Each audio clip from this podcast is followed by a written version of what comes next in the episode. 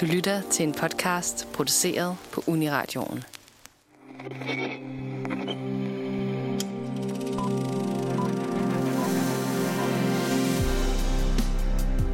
Hvad har en gammel faldefærdig kro? En forretningsorienteret sammensværgelse mellem kannibaler? Et træ med forbuden frugt og et par søskende med Y-kromosomer og deres højtagtede fjerkræ med hinanden at gøre. Jo, som en af nyere dansk films mest prominente instruktører, nemlig Anders Thomas Jensen. I dag skal vi gennemgå den danske darlings filmhistorik, hvis værksamling netop har fået et nyt, voldeligt skud på stammen. Velkommen til.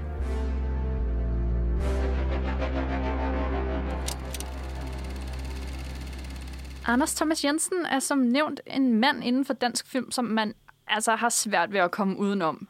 Manden med den sorte humor fra Frederiks værk har de sidste 20 år instrueret alt fra Mænd og Høns, De Grønne Slagter og Blinkende Lygter.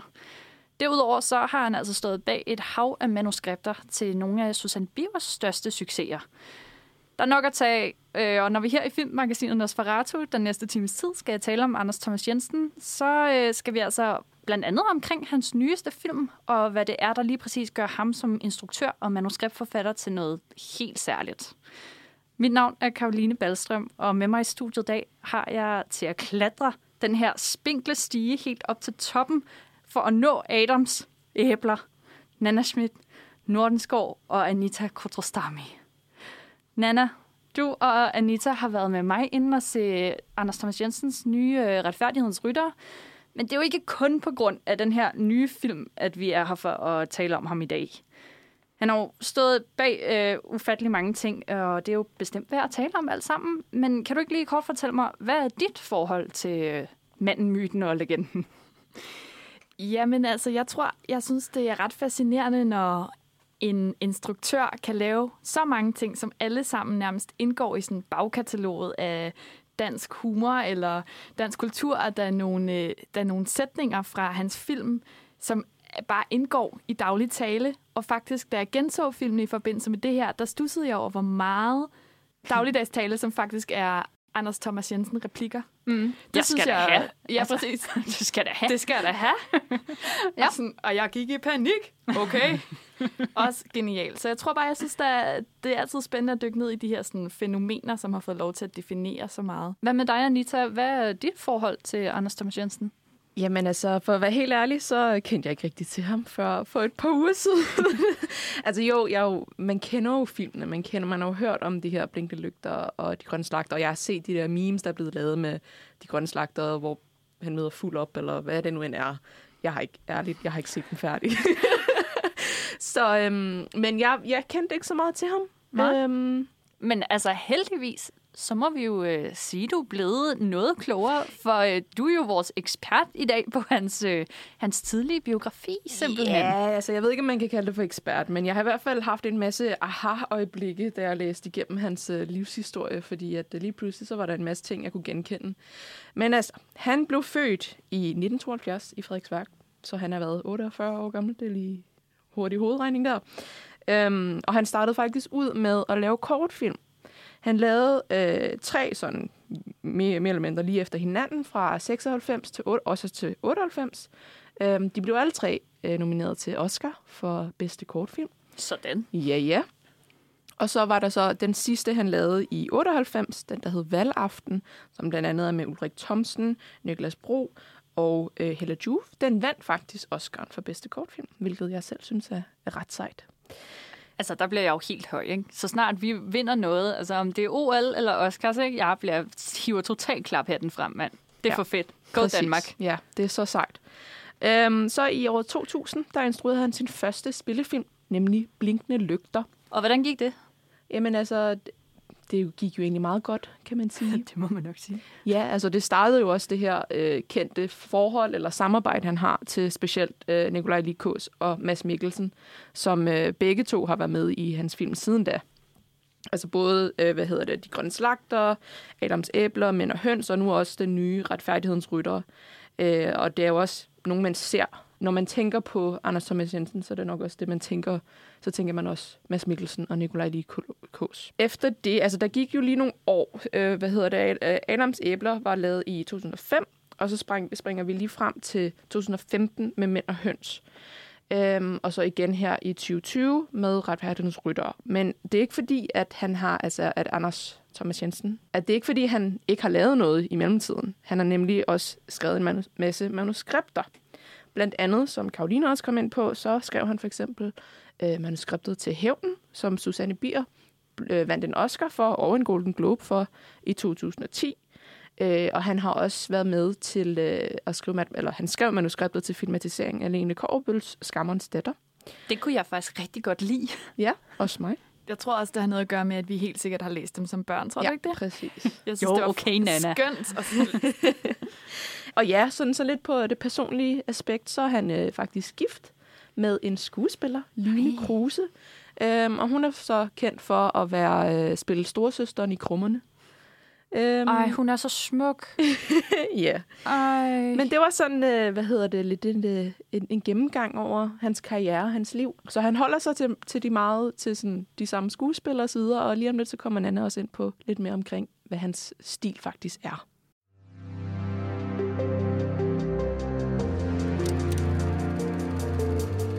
Ja, hvad kendetegner egentlig en Anders Thomas Jensen-film? Her kommer en liste på fem ting, der ifølge filmmagasinet Nosferatu er totalt kendetegnende for sådan en størrelse.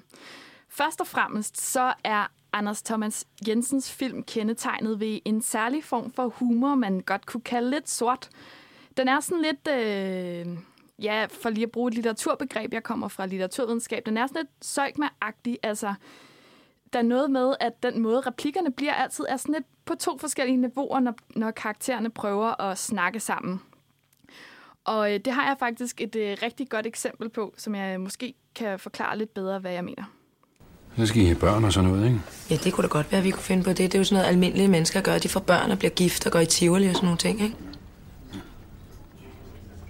Det er ellers sjovere på bakken. Der er ikke så mange svensker. Altså, gå nu ind, Svend. Jeg går ingen steder, før du lover, at du er der, når jeg kommer hjem. Det er jeg altså ikke. Gå nu.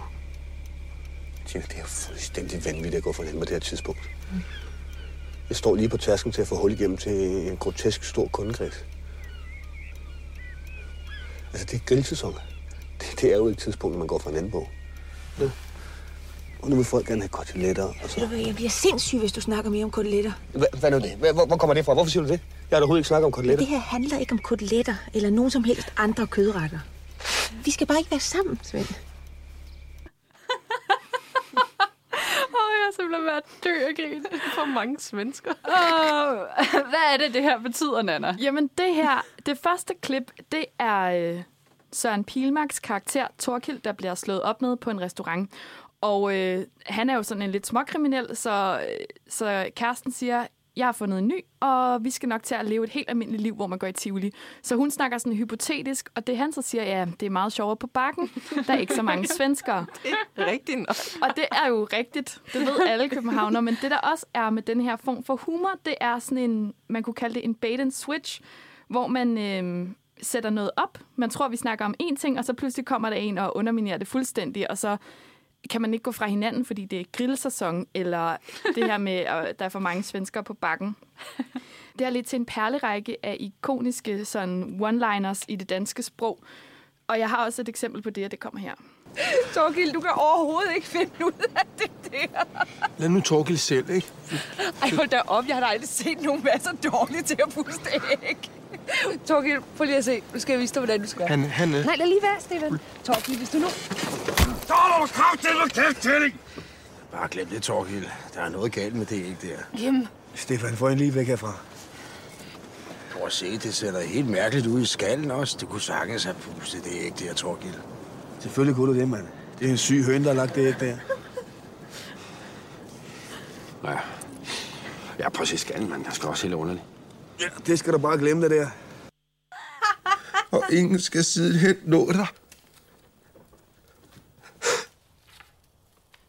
Der må der mangle et eller andet. Hvad var det, du sagde, den hed? Blinkende lygter af Ove Ditlevsen. Ja, den er da helt spist op af mus, den her bog. Der er nogle mus, der har spist af Ove Ditlevsens bog. Lad nu være. Der mangler ikke noget. Det er en udmærket bog. Faktisk så er Ove Ditlevsen en af vores største digtere. Det er godt, Stefan er begyndt at læse. Jo, men hvad betyder det? Er det ikke pis lige meget, mand? Herinde i studiet, der får vi virkelig testet, hvordan humor bare er en enorm subjektiv størrelse, fordi du, Karoline, du står faktisk og græder af grin, mens Anita, du har ikke fortrukket en mine i det her halvandet minut, der lige er gået. Ja. Jeg synes, at øh, det det, han gør rigtig godt, at han, sådan, han stiller en præmis op, eller man tror, karaktererne snakker om en ting, og så snakker de om virkeligheden om noget andet, og det bliver sort og komisk og humoristisk. Ja, men jeg får lidt lyst til at spørge jer begge to, hvad jeres yndlingscitat fra en Anders Thomas Jensen-film er. Men Anita, jeg kan fornemme på dig, at du ikke er den største fan, så derfor tror jeg bare, jeg vil spørge dig, Karoline. Ja. Et af dem, vi har hørt her, er det nogle af dine favoritcitater? Jamen, det er helt klart, det er helt klart et af mine favoritcitater, øh, det er fra, fra Blinkende Lygter, øh, hvor de sidder og snakker om, øh, om Søren Pilmarks øh, meget macho-karakter, som simpelthen ikke kan finde ud af at puste det her æg. Øhm, og jeg, jeg tror, at, at en af, af grundene øh, må helt klart bunde i, i det her, du også fremlægger med, at det ligesom... Øh, vi tror, vi går ind til noget, og, og det ender med at blive noget, noget helt andet. Øh, men derudover, så synes jeg også, at, at det her er et rigtig flot eksempel på øh, Anders Thomas Jensens greb for helt ufattelig akavet øh, humor. Øh, det, er, det er nærmest sådan lidt øh, klovnagtigt, ikke? Altså enten så synes du, det er super sjovt at se nogen blive ydmyget, eller også så kan du næsten ikke bære det, og jeg tror, jeg må være på det sidste hold der. Øhm, faktisk er det jo også, øh, øh, altså hvis man skal tage den helt brede klinge, så, så tror jeg godt, jeg tør at sige, at det nærmest er sådan lidt et, øh, et art cinema greb, han faktisk øh, bruger her, fordi i, i rigtig mange kunstfilm, øh, særligt sådan nogle Ruben Østlund, øh, The Square og Force Majeure-film, der har man ikke så meget at gøre godt med, ud over karakterdynamik. Øh, men, men det der med at sætte en social scene for en, en potentiel ydmygelse, øh, det, det kan, kan netop bringe den her virkelig tokrummende øh, følelse med sig. Så og, og ligesom lade det være sådan et sceneri foran flere mennesker på én gang, som det jo netop er, når Søren Pilmark han sidder og forgæves prøver at puste æg. Ikke? Det, det gør enormt meget til dynamikken, det der med sådan, det er ikke bare én person, han sidder overfor på en restaurant og bliver bliver sådan, sådan slået op med. Det er altså et helt hold og hans rigtig tough venner, som sidder og, øh, og kigger lidt skævt til ham også. Øhm, og, jeg, og jeg tror ikke, at det er så, så mærkeligt måske, fordi Anders Thomas Jensen prøvede faktisk at søge ind på filmskolen to gange, øh, blev afvist. Og, og, og filmskolen på det her tidspunkt, hvor han, han har søgt ind øh, i 90'erne, det var jo sådan en rigtig dogmetid. Altså sådan, der, der var nogle helt brede, store øh, danske træk, som, som virkelig kom igennem der. Så så det er nok ikke så mærkeligt, at han måske har sådan lidt en, en art-baggrund, som øh, han mere eller mindre kendes ved i hvert fald. Nana, du havde nogle flere eksempler på en øh, klassisk øh, Jensen. Det har jeg nemlig. Det her, det var altså humor, men øh, der er også en anden ting, der kendetegner en Anders Thomas Jensen-film, og jeg tror egentlig bare, jeg vil introducere det sådan her. Svend, hvor er hans ene ben henne? Det ved jeg ikke. Prøv at høre, jeg spørger om. Hvorfor hænger han på en kødkrog og mangler det ene ben? Det var fordi, at Holger han kom. Og så... Tina, hun er gået fra mig, fordi hun siger, at jeg snakker alt for mange koteletter. Men hvad har du gjort? Så gik jeg i panik. Og... Øh, Holger, han var der. Og han provokerer, du ved, hvordan det er. Hvad gjorde du så? Så skar jeg 13 filéer af hans indben og lagde dem i marinade. Holger han får rotai til grillaften. De kommer allerede i aften, Bjarne. Er du, er du sindssyg? Er du fuldstændig sindssyg? Jeg gik i panik. Okay. Så. Sket er sket. Bacon. Hvad fanden laver du, mand?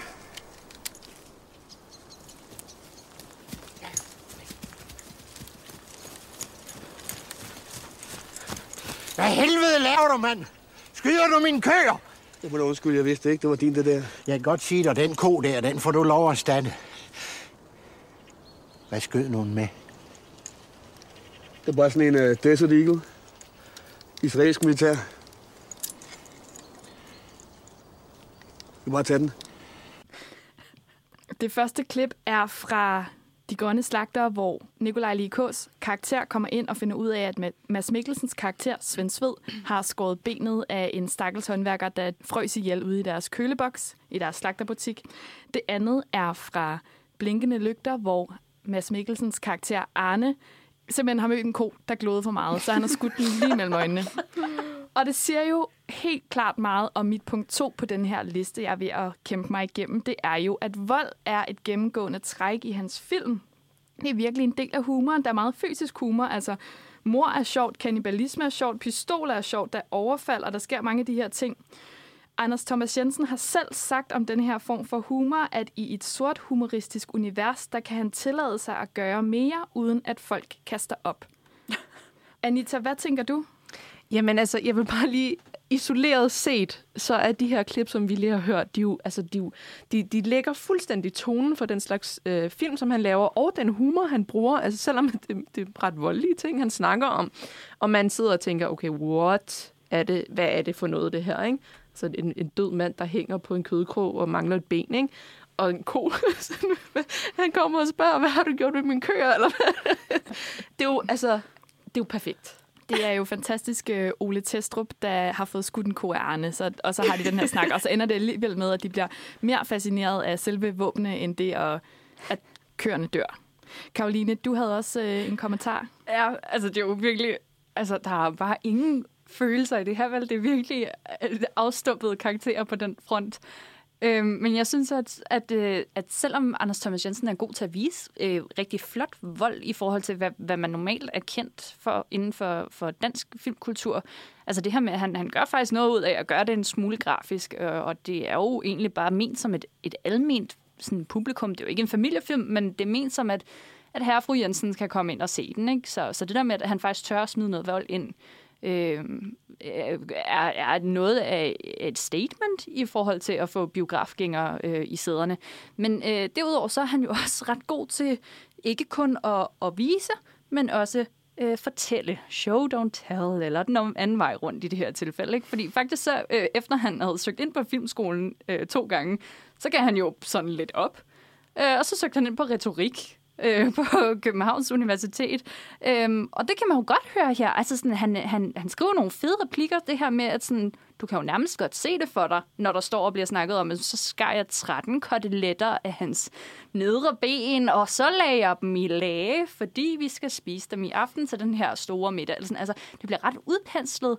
Du, du har et klart billede af, hvordan det ser ud, når han lige skærer i, i benet, ikke? og i koteletstørrelse oven uh, i købet. Ikke? Nå, men sådan, der får han lige sin, sin retoriske sådan, øh, kunde ind over. Så det med Søjkma, jeg nævnte i starten, måske ikke helt forbi. Det er jeg sikker på, at de også lærer noget om over på retorik. Anita, hvad, hvad tænker du? Jeg tænker også bare, at det, han, de her klip, som vi også lige har hørt, at de også bare er eksempler på præcis, hvad dansk humor egentlig er, og hvad det kan tillade sig det er jo nogle ting, som man måske i andre kulturer eller andre lande vil tænke, nej, nej, den går ikke. Altså, at vi lige spiser 13 koteletter af en eller andens ben, ikke? Altså et menneskeben. Øhm, og måden han bare sådan, e, ja, skyder en ko, og lige snakker om våbnet, i stedet for noget med dyrevelfærd eller eller andet, ikke? Altså, det er bare, det er, jo, det er jo danskhed i sig selv, synes jeg. Det er gode eksempler. Men det er da et interessant billede. Jeg vidste ikke, at der kunne komme øh, 13 koteletter ud af sådan en størrelse på et, af, af en læg, eller hvad? Ja.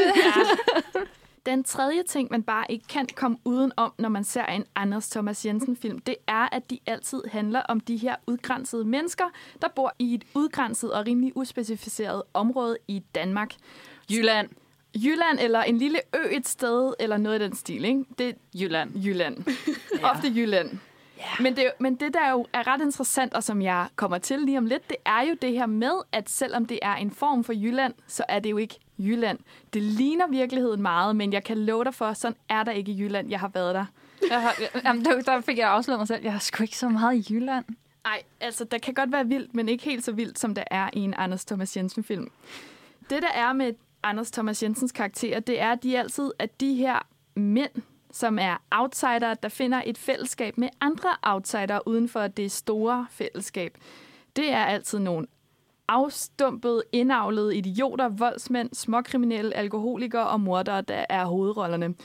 Det kan man også godt se i Retfærdighedens Ryttere, som er det her, øh, hvor hovedpersonen er Mads Mikkelsen, som er en afstumpet voldsmand. Han er militærmand og, og har rimelig let på øh, aftrækkeren.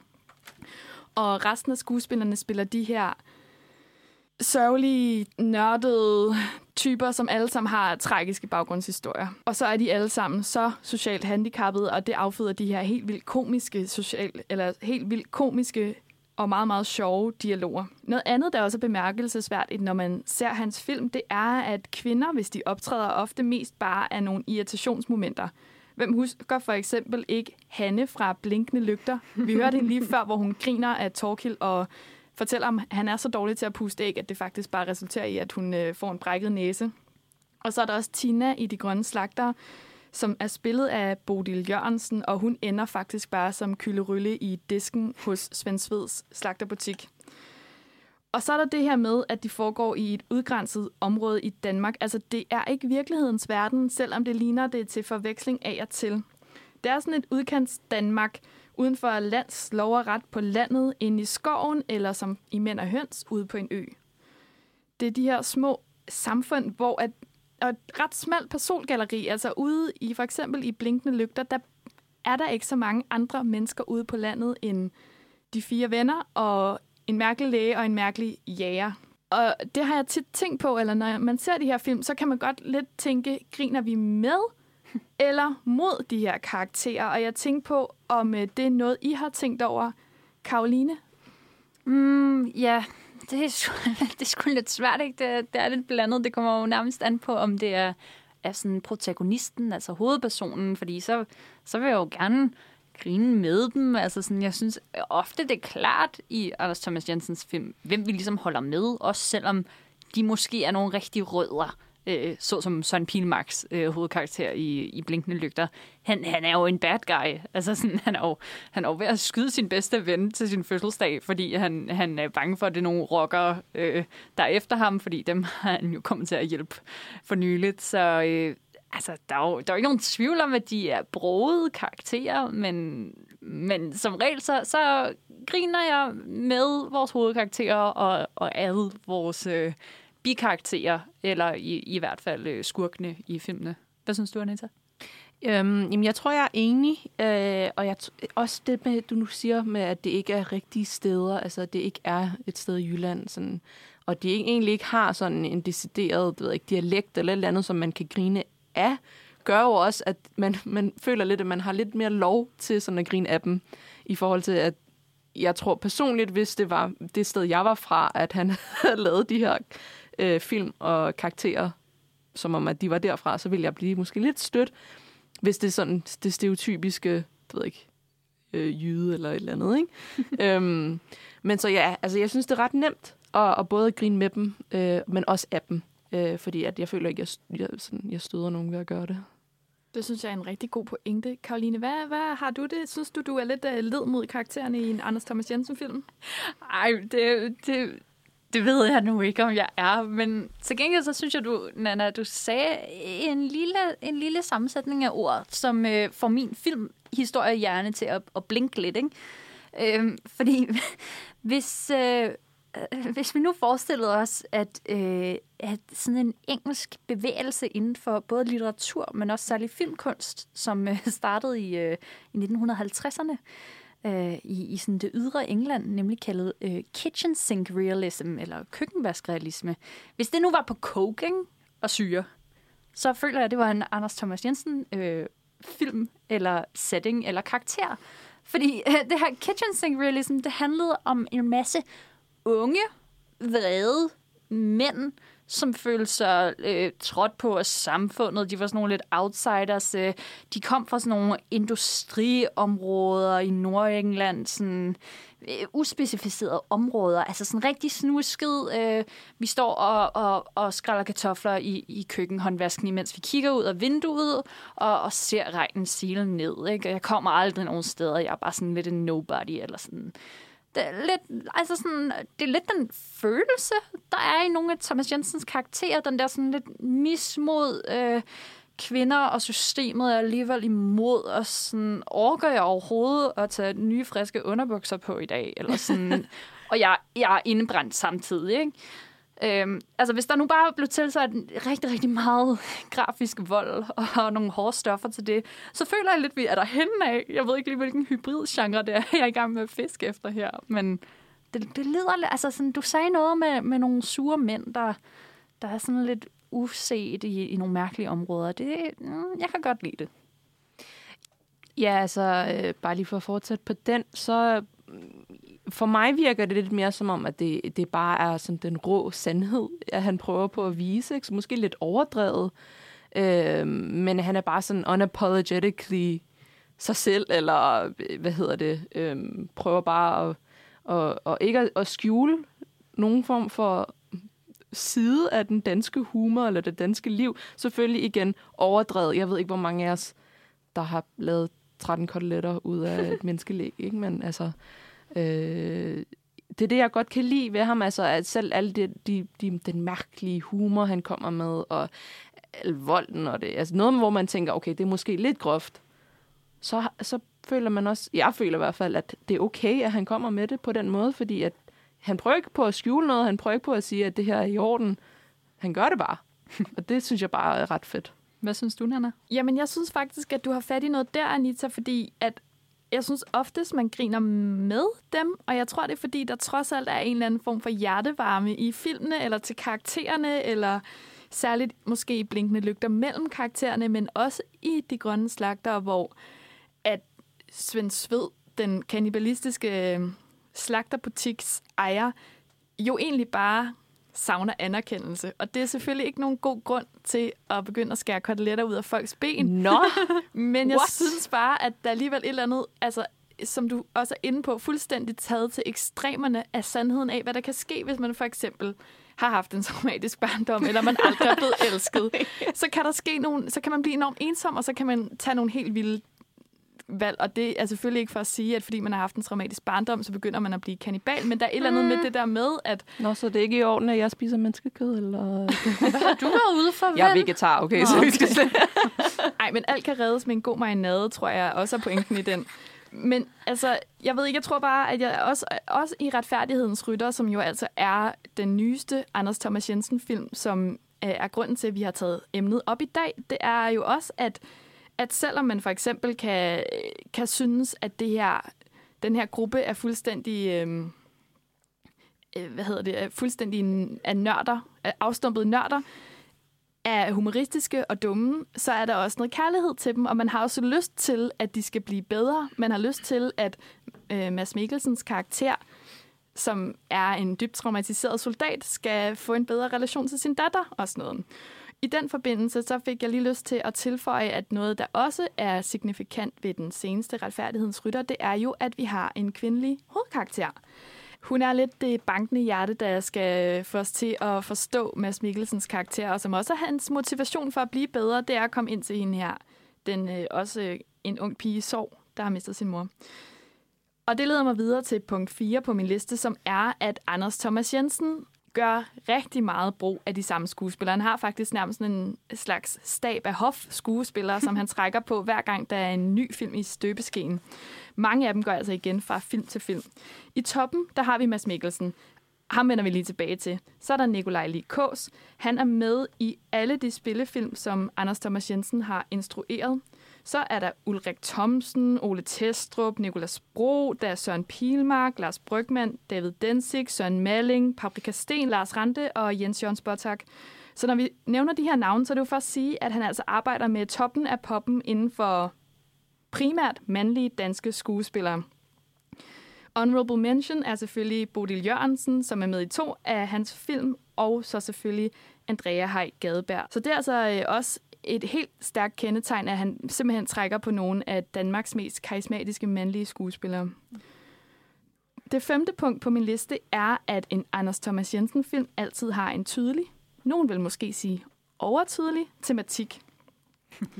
Det er altså ret tydeligt, at selvom øh, det er nogle gale film, så er der altså en mening med galskaben. I Blinkende Lygter kunne man sige, at det handlede om ansvarlighed. Det handler om at skabe sit eget sted og tage ansvar for sit liv, sin dannelse, at få børn. Og man ser de her klip med nogle, hvordan de selv er blevet traumatiseret i deres barndom og blevet til dem, de er. I De Grønne Slagter kunne man snakke om det her med at blive elsket og anerkendt. Svend Sved bliver glad, da hans problem løses, og det er altså ikke det problem med, at han er kannibal, det er problemet med, at han aldrig nogensinde har fået anerkendelse, så da han hører, oh. at han har lavet en god marinade, så bliver han simpelthen så glad. Ja, det er også rigtigt. Og, og altså, det er jo absurd, men, men, men også rørende på en eller anden måde. Man kunne sige, at uh, Adams æbler behandler tro, og øh, mænd og høns måske handler om en form for determinisme eller darwinisme. Hvad er liv? Og igen, altså, er der mening til, findes en skæbne? Og det er også det, jeg vil sige, at øh, retfærdighedens ryttere i høj grad undersøger. Det er altså det her med tro, tilfældighed og mening. Øhm, og også det her med, hvordan man skaber mening i en verden, der måske er meningsløs. Og øh, en af de måder, det ofte foregår på, når man er en Anders Thomas Jensen-film, det er sådan her. Skal vi køre hjem til dig?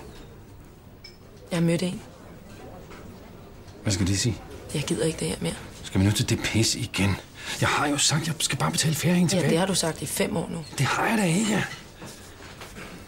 Lige inden du kom, der sad jeg faktisk og tænkte på, hvordan det ville være at starte sit eget firma. Hvordan det ville være at åbne en skobutik eller en dyrehandel. Men du kan jo ikke engang fodre en fisk, altså. Det kan jeg sgu da lære, ikke? Jeg, jeg kan gøre, hvad fanden jeg vil. Nej, du kan nej. Du er 40. Det er Torkild i Blinkende Lygter, der sidder over for Iben Jejles karakter, altså i den her scene, hvor han bliver slået op med. Løsningen er ofte, at man åbner sit eget sted. Det kunne være en kro, det kunne være en slagterbutik. Og det her på den måde sådan, øh, for lavet en lille plads i den her verden til en, selvom man er et øh, afstumpet individ med en traumatisk barndom.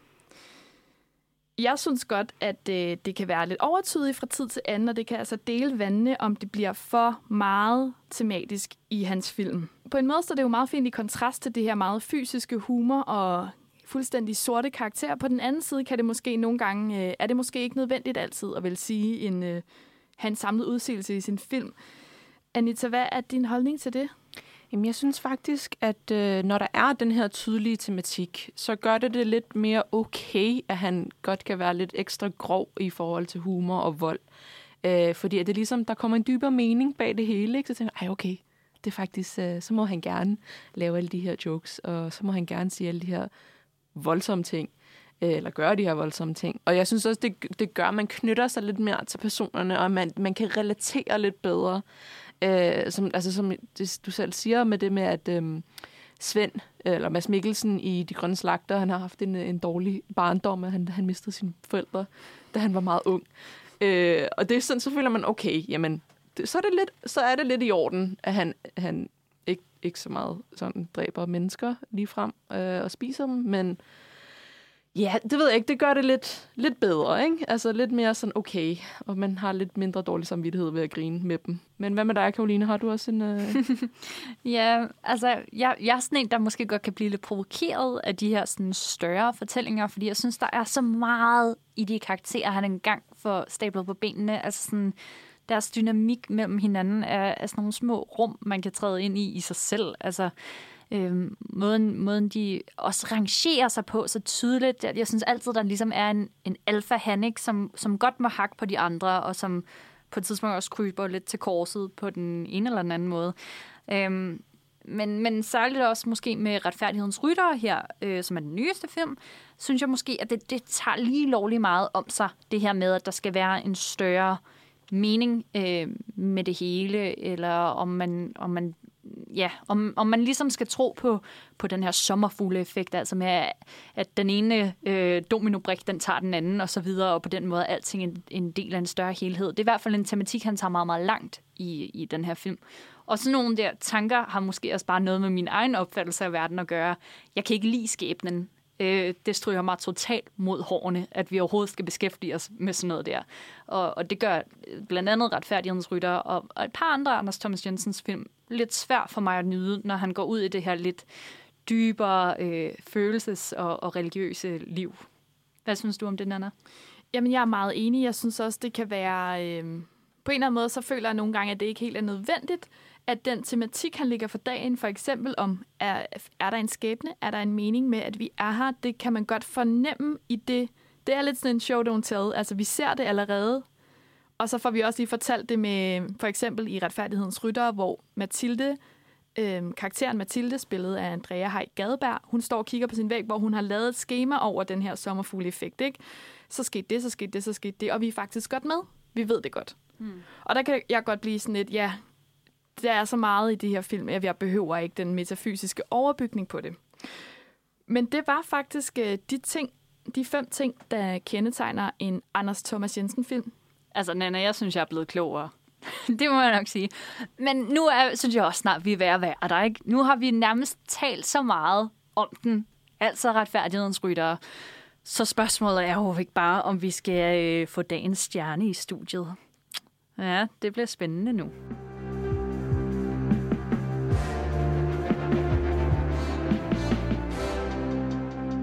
Retfærdighedens rytter er jo egentlig grunden til, at vi er i studiet i dag for at tale om Anders Thomas Jensen. Uh, han er jo en mand, der er kendt for at samle nogle af de største danske stjerner i sine film, og den her gang er jo bestemt heller ingen undtagelse.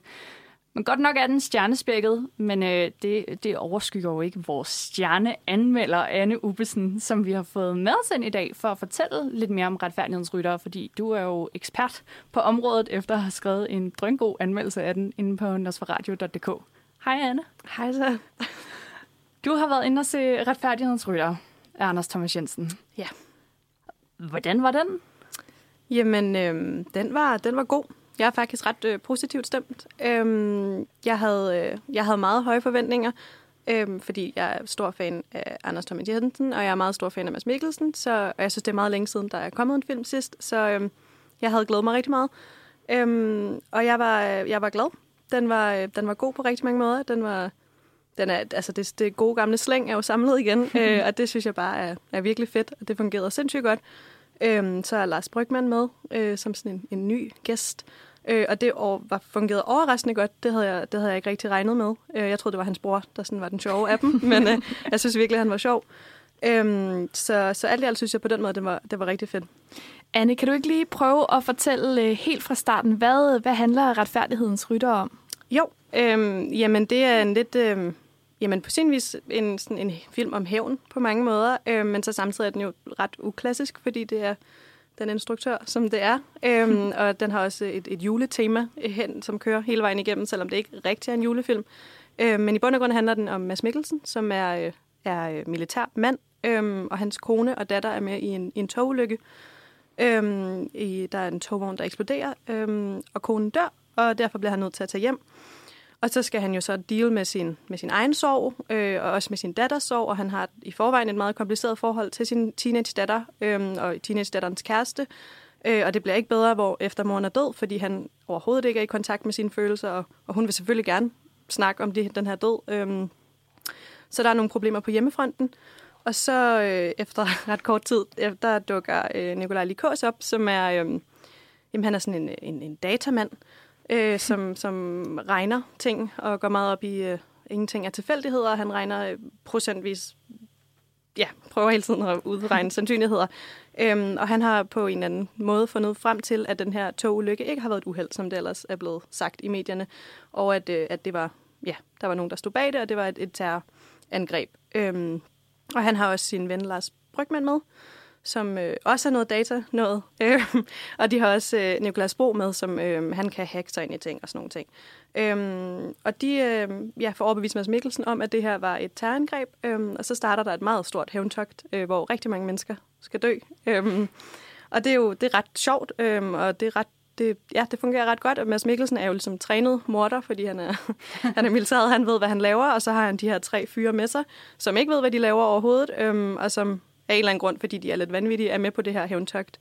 Øhm, ja, og så handler den om det, og så har man samtidig det her med datteren derhjemme, og så samtidig er det også lidt sådan, den, den prøver ligesom at undersøge det her med, med tilfældighederne i livet, og meningen med, med tingene, og måske er der en større mening, og måske er der faktisk slet ikke nogen mening med noget som helst. Øhm, ja. Det er jo også sådan lidt et klassisk Anders Thomas Jensen-greb, øh, som vi også kommer meget mere ind på senere. Alt det med butterfly-effekten, altså den her, den her bølgeeffekt, at når der først bliver rykket på noget, så sker der noget andet, og måske er det hele skæbnen og troen, der er på spil.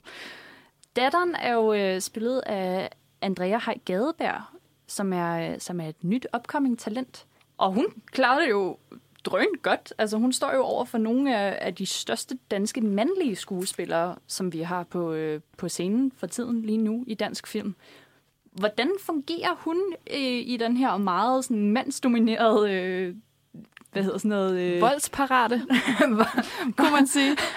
Voldsparate miljøsammenhæng. Øhm, jamen, hun gør det, som, som du også sagde, hun gør det faktisk rigtig godt. Øhm, hun er hun spiller, i hvert fald, jeg tror, hun er lidt ældre i virkeligheden, men hun er, hun er meget ung i filmen, skal forestille at være noget, det ved ikke, 16-17 år og gå i skole eller gymnasiet, øhm, og har på den ene side, hun mistet sin mor og sådan noget, og så har hun også en kæreste ved siden af, og, og prøve at få det, få det til at fungere ligesom nogle almindelige teenage-pige-ting. Øhm, og så står hun jo på en eller anden måde enormt stærk kontrast til, til de her mænd, især øh, Mads Mikkelsen, som er hendes far, som er den her ja, enormt voldsomme mand, som bare ja, tyr til vold hele tiden, og hun er, hun er bare det stik modsatte, og vil, er meget følsom og meget, øh, ja, meget i kontakt med sig selv, og vil gerne det, og vil gerne øh, gå til psykolog og snakke om den her mor, hun har mistet.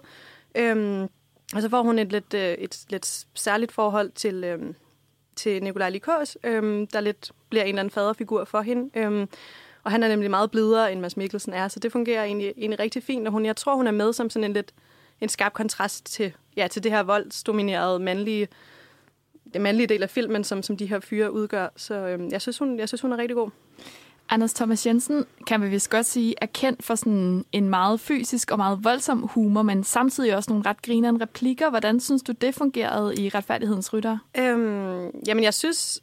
Ja, altså for det første, den er som sagt øh, rigtig sjov, og, øh, og på mange måder synes jeg, den er øh, er meget Anders Thomas Jensen-agtig. Men jeg har også, jeg synes, der er nogle ting, der skiller sig lidt ud. Men, øh, ja, men i hvert fald, øh, den spiller nemlig rigtig meget, som, som han altid gør på det her meget sådan ukorrekte, øh, meget mørke, øh, den her form for humor. Og det, øh, det synes jeg fungerer rigtig godt. Der er nogle scener med, øh, med Lars Brygman, som øh, han er blevet misbrugt ret meget som barn. Øhm, og det er, jo, det er jo selvfølgelig ikke sjovt, men det er faktisk enormt sjovt i filmen. Øhm, og man har det som man altid har det i hans film, lidt dårligt over at grine, men samtidig kan man ikke rigtig lade være. Og jeg sad i en, i en biograf fuld af mennesker, og alle grinede bare helt vildt meget af de her enormt upassende øh, ting. Og det er jo med til også at opleve al den her lidt måske meningsløse vold, som, som er med i filmen, og som, som godt må være der, men så bliver den på en eller anden måde oplødt af de her meget menneskelige karakterer, eller meget mærkelige karakterer, meget ja, karakterer med en masse fejl, som er, som er ret sjove. Hmm. Jeg ved, du har en øh, holdning til Mads Mikkelsens karakter øh, i denne her. Vil du ikke øh, fortælle lidt om det? Jo, øhm, det er altså egentlig en af mine eneste anker mod filmen, men jeg synes også, det er sådan et ret, et ret stort problem. Øhm, og det kan godt være, det hovedsageligt er mig, fordi jeg er, er meget stor fan af både instruktøren og Mads Mikkelsen.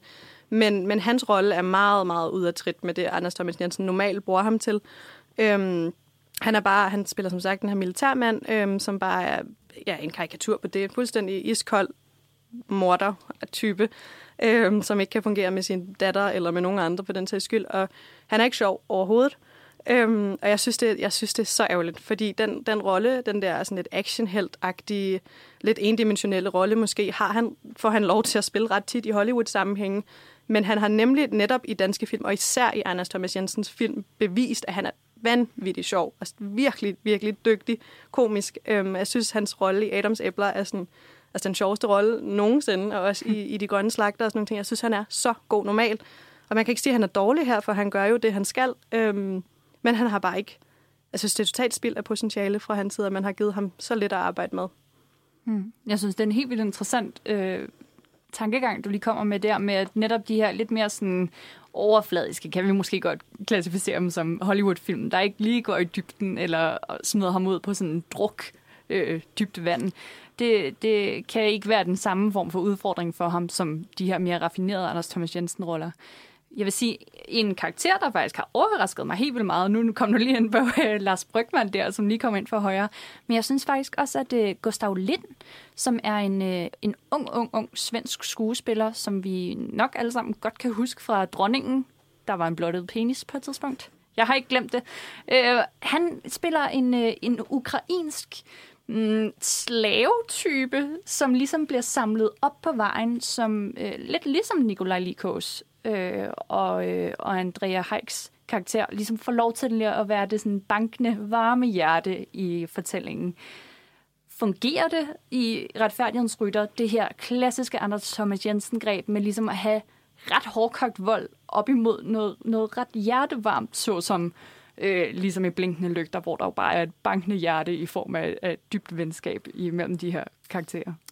Øhm, jeg, synes, jeg synes faktisk, at, han, øh, at, at hans karakter som den der ukrainske sexarbejder, sexslave, hvad han helt præcis er, fungerer ret godt. Måske så netop, fordi han, han er lidt malplaceret, og sådan, han bliver samlet lidt tilfældigt op på vejen. Der bliver aldrig rigtig forklaret 100% hvad det er, han laver, hvorfor han er der. Man ved heller ikke rigtig, hvad der sker med ham sidenhen. Altså, hvad er hans nye rolle i den her vennegruppe og i Danmark og sådan nogle ting. Men, men han, er, han er ret sjov, og han er, han er ret god. Han har jo ikke nogen kæmpe rolle, øhm, men jeg synes, han, øh, han gør det ret godt, og det er nogle meget fine scener, han har med Lars Brygman egentlig. Øhm, han er meget sød som au pair hjemme i det der hus. Han bliver jo også lidt en af de få øh, personer, som datteren kan snakke med om, om det her med moren. Øhm, så jeg synes, jeg synes faktisk, det fungerer ret godt. Og men det er lidt, lidt malplaceret, men så synes jeg, det tror jeg er meningen, og det synes jeg er lidt på den fede måde. En anden birolle, som jeg synes er ret morsom i den her film, det er Albert Rudbæk Lindhardt, som spiller Mads Mikkelsens datters kæreste, som er sådan en øh, sådan en rigtig 2020-teenager med blåt hår og en hel masse store værdier og sådan lidt forblommet tale. Jeg synes, han var ret komisk. Jeg kunne godt godt se ham, sådan, se hvad for en karakter han prøver at spille. Kunne I, uh, kunne I lide ham?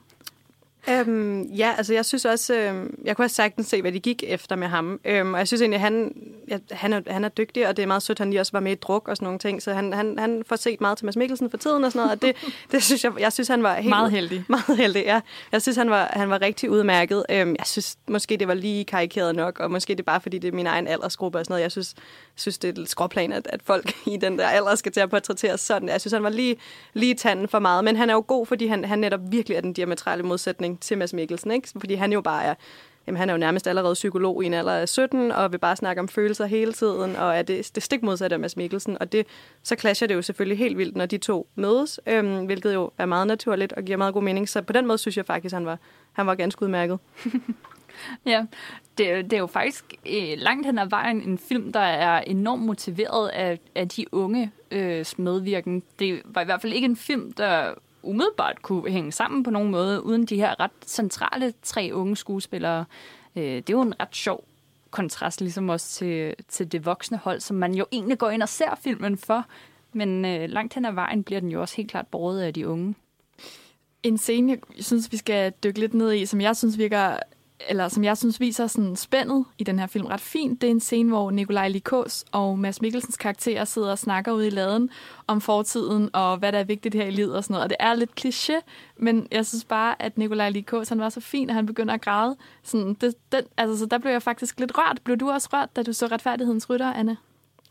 Øhm, ja, jeg synes ikke, det er en meget rørende film, men, men jeg synes, du har ret i, at, at Nicolai Likos faktisk er, er en rigtig fin karakter, fordi jeg, jeg kom ud af biografen, og, og så snakkede mig og min bror om den, vi havde set den sammen, og, og vi nævnte ikke rigtig Likos i starten, og så var vi sådan, gud, han var, var jo også med, og han, han er jo på en eller anden måde måske en af dem, de karakterer, der er, er med i allerflest scener, men han, han gør ikke et meget stort væsen ud af sig selv, et meget stort nummer ud af sig selv.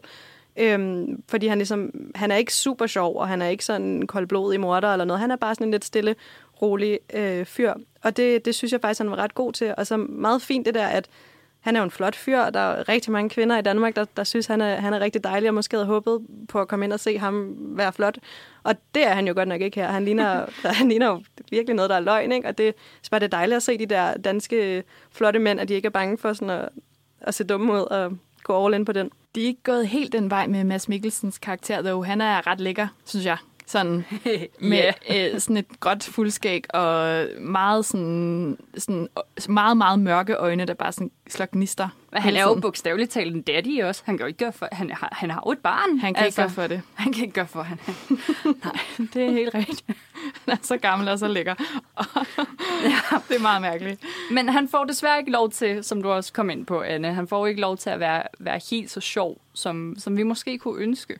Nej, det gør han godt nok ikke, synes jeg. Øhm, altså, det, jamen ikke, altså, han er slet ikke sjov overhovedet. Øhm, jeg føler lidt i starten, at det som om det skal være lidt noget, noget komisk, at han er så følelseskold, som han er, men den synes jeg heller ikke lander helt, som den skal. Han er, han er virkelig ikke sjov, og det, så er det heller ikke et større problem, fordi så er der sjove øhm, biroller rundt omkring ham, men jeg synes for eksempel, som jeg har sagt flere gange, at Lars Brygman var virkelig sjov, men, men jeg synes ikke, han kan bære hele filmen på sine skuldre øh, altså stå for det sjove helt alene. Øh, der synes jeg virkelig, Mads Mikkelsen skulle have været med indover. Mm. Altså, jeg kunne godt have ønsket mig, at retfærdighedens rytter var 10% mere sjov og 10% mindre sørgelig. Hvordan havde du det med det? Mm, det, det kan jeg egentlig også godt være enig med dig i, fordi jeg netop, jeg synes virkelig, der var nogle Lars Brygman scener, og også nogle Niklas Bro scener, som var rigtig sjove. Øhm, men, men der er også meget, den er følelsesladet mere end mange af hans andre film, øh, og meget, eller i hvert fald mere sådan åbenlyst følelsesladet, og meget med den her datter, der har det dårligt derhjemme og sådan nogle ting. Så, så det kunne man måske godt have skruet lidt ned for, og så gjort den sjovere. Men jeg synes også, den var sjov et langt stykke af vejen. Hmm. Og uanset hvad, så kan vi jo godt blive enige om, at alene det, at det er en Anders Thomas Jensen-film, så er det jo nærmest en film, man bliver nødt til at gå ind og se. Øhm, det er jo på højde med, hvis øh, Susan Bier eller øh, Thomas Winterberg udgiver en film. Det er bare ikke rigtig en, man kommer udenom. Er det er det, det værd? Nej, undskyld. Nej, bare fortsæt er det faktisk en film, man skal gå ind og se? Hvad synes du, Anne? Det synes jeg virkelig, man skal. Altså, jeg, jeg synes for det første, det var en rigtig god film. Det, det bliver nødt til at stå ved. Det synes jeg. Den havde sine sin fejl og mangler, men jeg synes alt i alt, det var en rigtig god film. Desuden er man også, ja, fordi det er så stor en instruktør og så store skuespillere, er man selvfølgelig bare nødt til at se den. Og så tror jeg, den er... Altså, jeg, jeg, jeg kan huske det, eller husker det som om, at Mænd og Høns fik en lidt blandet modtagelse, og der var mange, der synes den var for absurd. Jeg synes, den var fed, men, men det var der mange, der ikke gjorde. Øhm, og der kan man sige, at den her er ikke nær så absurd. Så hvis man var lidt mere til blinkende lygter, sådan lidt mere klassisk film, så er retfærdighedens rytter nok noget mere noget for en. Og så er det en meget, meget diskret julefilm, som du også har været inde på, ikke? Så det er jo også et argument, i hvert fald i disse tider. Helt sikkert. det er rigtigt. Anne Ubersen, tusind tak, fordi du vil øh, komme med os ind i studiet i dag. Man kan jo som sagt læse din øh, mega fede anmeldelse af retfærdighedens rytter inde på nosferadio.dk. Du må have en god jul, når du når dertil. tak, og tak fordi jeg måtte være her. det var så lidt.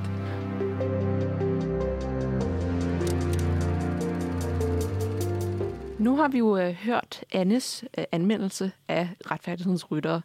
Øhm, og hun kommer også lidt ind på det her med blinkende lygter, og hvordan at, øhm, der er lidt af en forbindelse mellem den nyeste film og øh, hvad hedder det, Anders Thomas Jensens første spil, øh, spillefilm.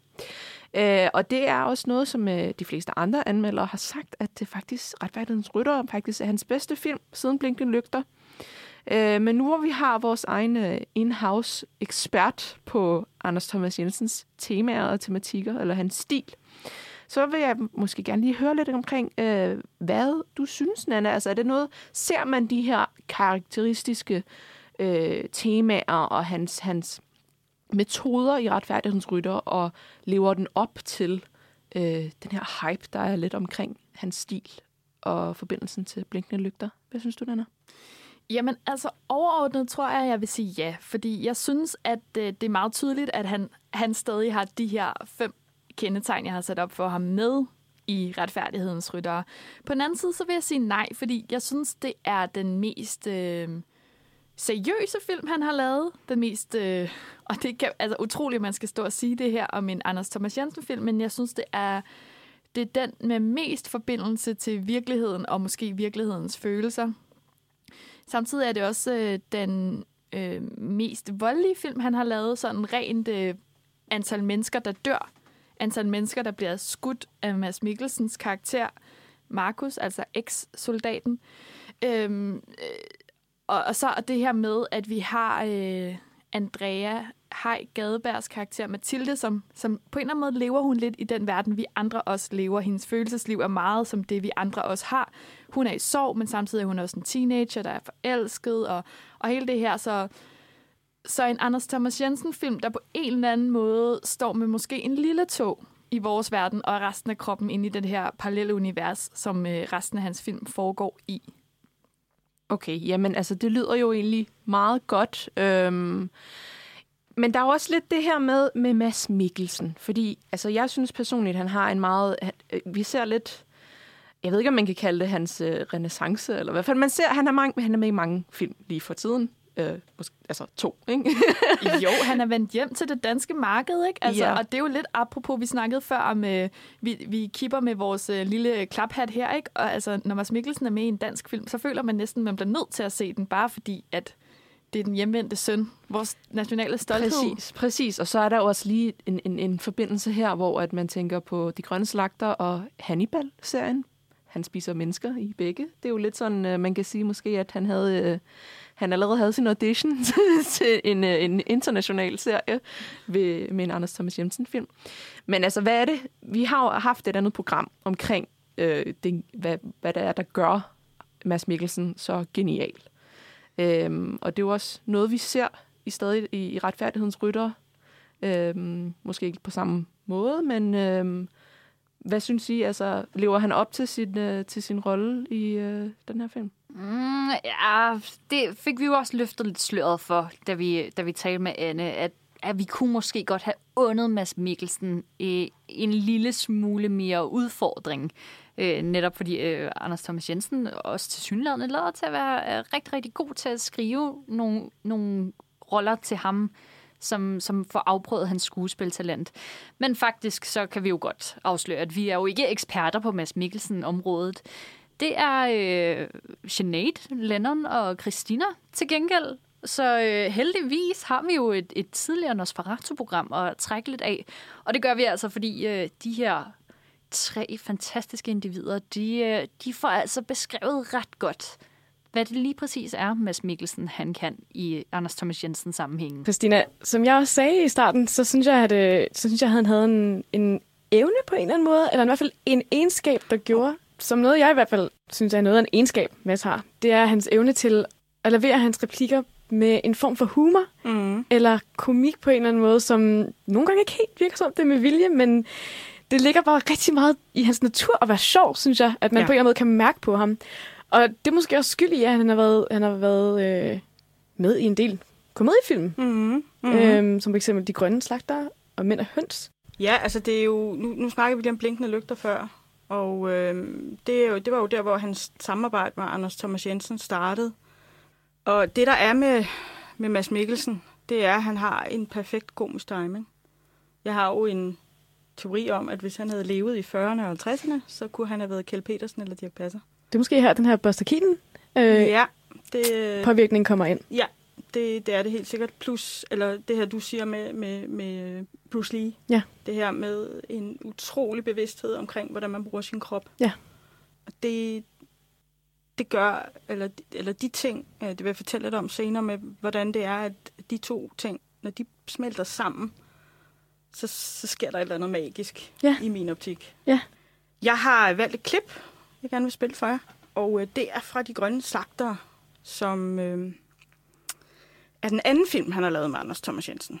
Og øh, den er fra 2003. Der spiller han karakteren Svend, og i det her klip, vi skal høre nu, der sidder han i sin bil sammen med sin kæreste Tina, og hun er ved at forlade ham. Altså, gå nu ind, Svend. Jeg går ingen steder, før du lover, at du er der, når jeg kommer hjem. Det er jeg altså ikke. Tina, det er jo fuldstændig vanvittigt at gå for den på det her tidspunkt. Mm. Jeg står lige på tasken til at få hul igennem til en grotesk stor kundekreds. Altså, det er grillsæson. Jeg synes virkelig, man kan høre hans på en eller anden måde meget naturlige levering af de her replikker, som bare på en eller anden måde kommer til at lyde sjov. Ja. Selvom det ikke er, er, fordi han har en store mimik med i sit, sit, uh, sin verbale præstation.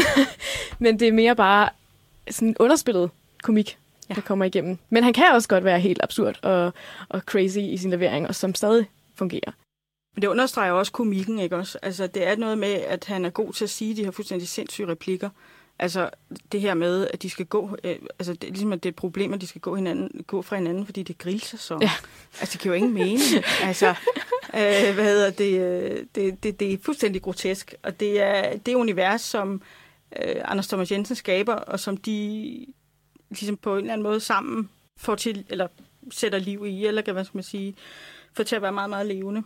Omkring det her med de absurde roller, der øh, er der særligt to film, som jeg synes, hvor jeg synes, det skinner rigtig stærkt igennem. Og den ene er De Grønne Slagter, som vi lige har, øh, har hørt et klip fra. Og i Mænd og Høns, som er fra 2015, er, spiller Mads Mikkelsen Elias, og øh, hans bror Gabriel bliver spillet af David Densik, og de får ved deres fars død at vide, at de er adopteret. Og det fungerer så som et afsæt til en fysisk og mental rejse, hvor de forsøger at finde ud af, hvor de kommer fra, og få større indsigt i, hvem de er. Rollerne som Elias og Svend er absurde, men jeg vil også karakterisere dem som meget fysiske roller, som vi har snakket før om før. Begge karakterer, og det er ret vigtigt det her, begge karakterer har et overdrevet kikset udseende. Det er noget med nogle høje tændinger. Og... Ja, hvis vi starter med øh, de grønne slagter, der bliver han kaldt Svend Sved, fordi han konstant sveder. Og han har det mest sindssyge hår. Nu skal I forestille jer, den mest, vi, mest vigende hårgrænse. den er sådan oven på ja, toppen af hovedet. Ja, den er sådan på toppen af hovedet, ikke også? Øh, og så det her sved, der bare driver ned fra ham hele tiden, ikke også? Og øh, i øh, Mænd og Høns, hvor øh, i Mænd og Høns, der har han et meget, meget voldsomt harskår.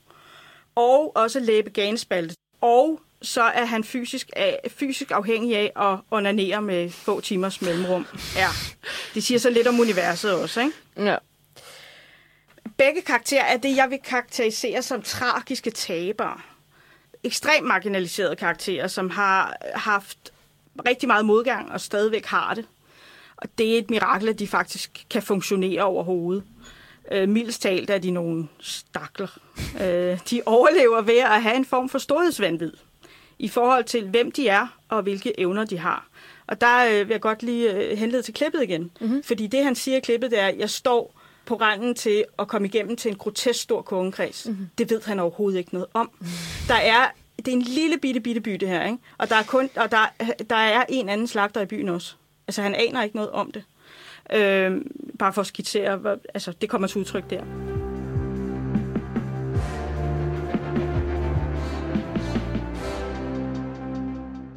Hvis du gerne vil høre flere af Christinas øh, skarpe analyser, og for den sags skyld øh, Lennon og Jeanettes skarpe analyser af Mads Mikkelsen, så kan du altså finde det fulde program i din podcast-app eller under Mads Mikkelsen inde på nosferadio.dk. I et interview med Soundvenue i forbindelse med retfærdighedens rytter, der siger Mads Mikkelsen, at han rigtig godt kan lide at være der, hvor han rappler og det får han altså ikke så meget lov til at være i Retfærdighedens Rytter, og ligesom Anne er det altså en anke, jeg har imod filmen. Noget, jeg til gengæld godt kan lide i Retfærdighedens Rytter, det er, at Retfærdighedens Rytter er den mest diskrete julefilm.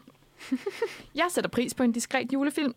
For mig er det en måde at snige lidt blød julesne ned i en film-cocktail, uden at jeg kløjs i det, og derfor kan jeg rigtig godt lide det.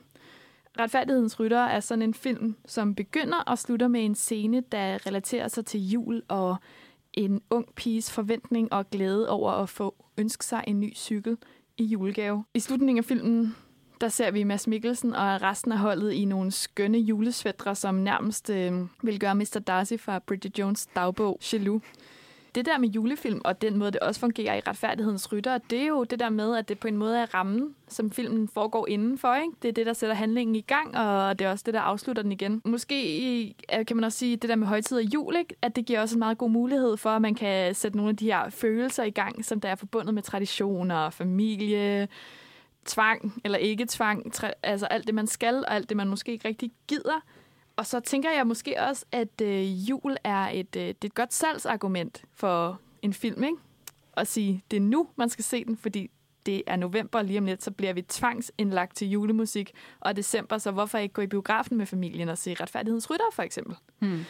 Karoline, ja. brækker du dig, når du ser øh, Retfærdighedens Rytter altså, øh, julefilm? Øh, ja, som julefilm, så må jeg sige, at det, det gør jeg sgu lidt, fordi for mig, okay, nu kan jeg altså godt totalt købe din større analyse om, at det kan få øh, nogle følelser på glæde, og det der med at være tvunget ind under taget sammen med hele familien.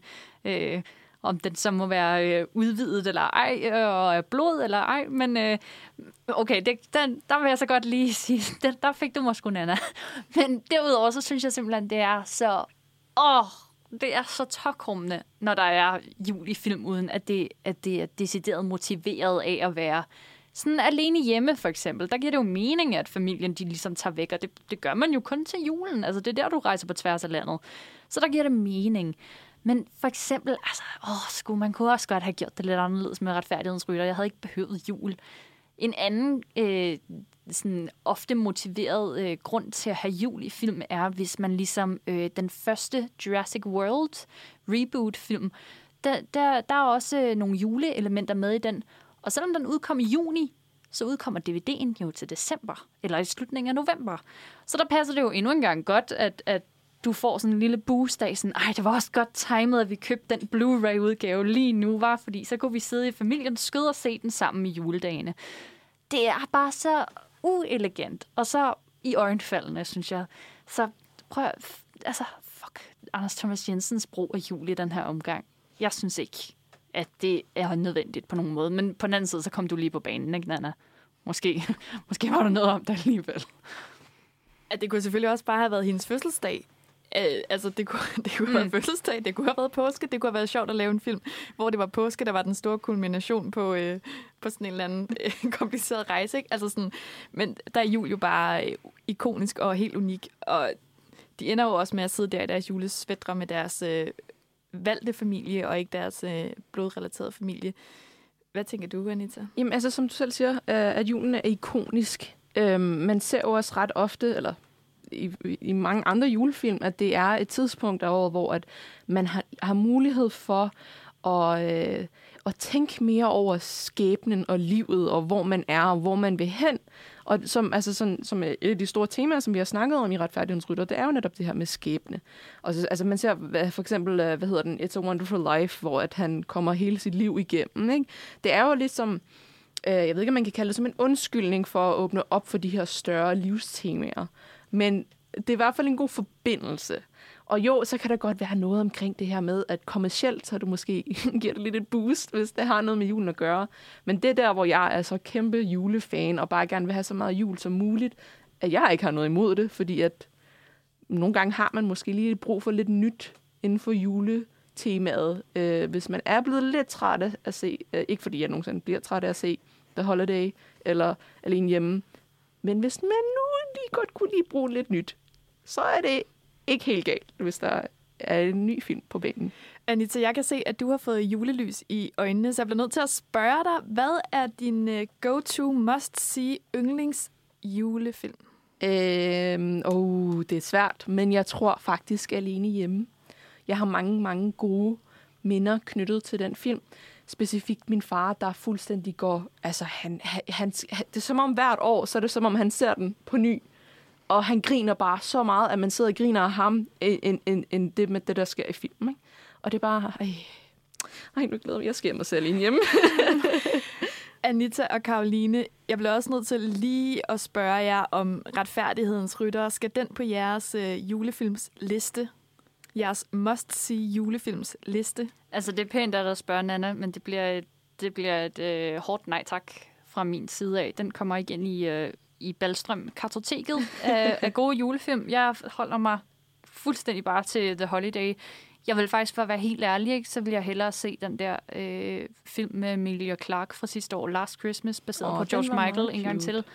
Jeg vil også hellere end gerne... Sygt des. Altså, jeg vil, nej, det var, den var sgu meget fin. Altså, sådan, det, der var der noget religion der, der, der Det er der der også i retfærdighedens rytter.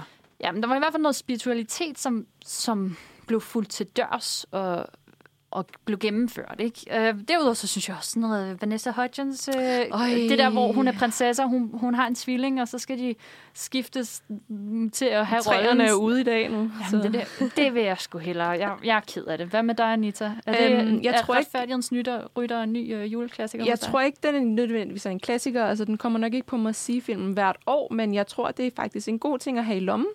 Øh, hvis man nu vågner op der første af en juledag og bare lige ikke, altså, har set alle filmene og tænker, hvad skal jeg lave nu? Så er det måske lige en fin nok at have.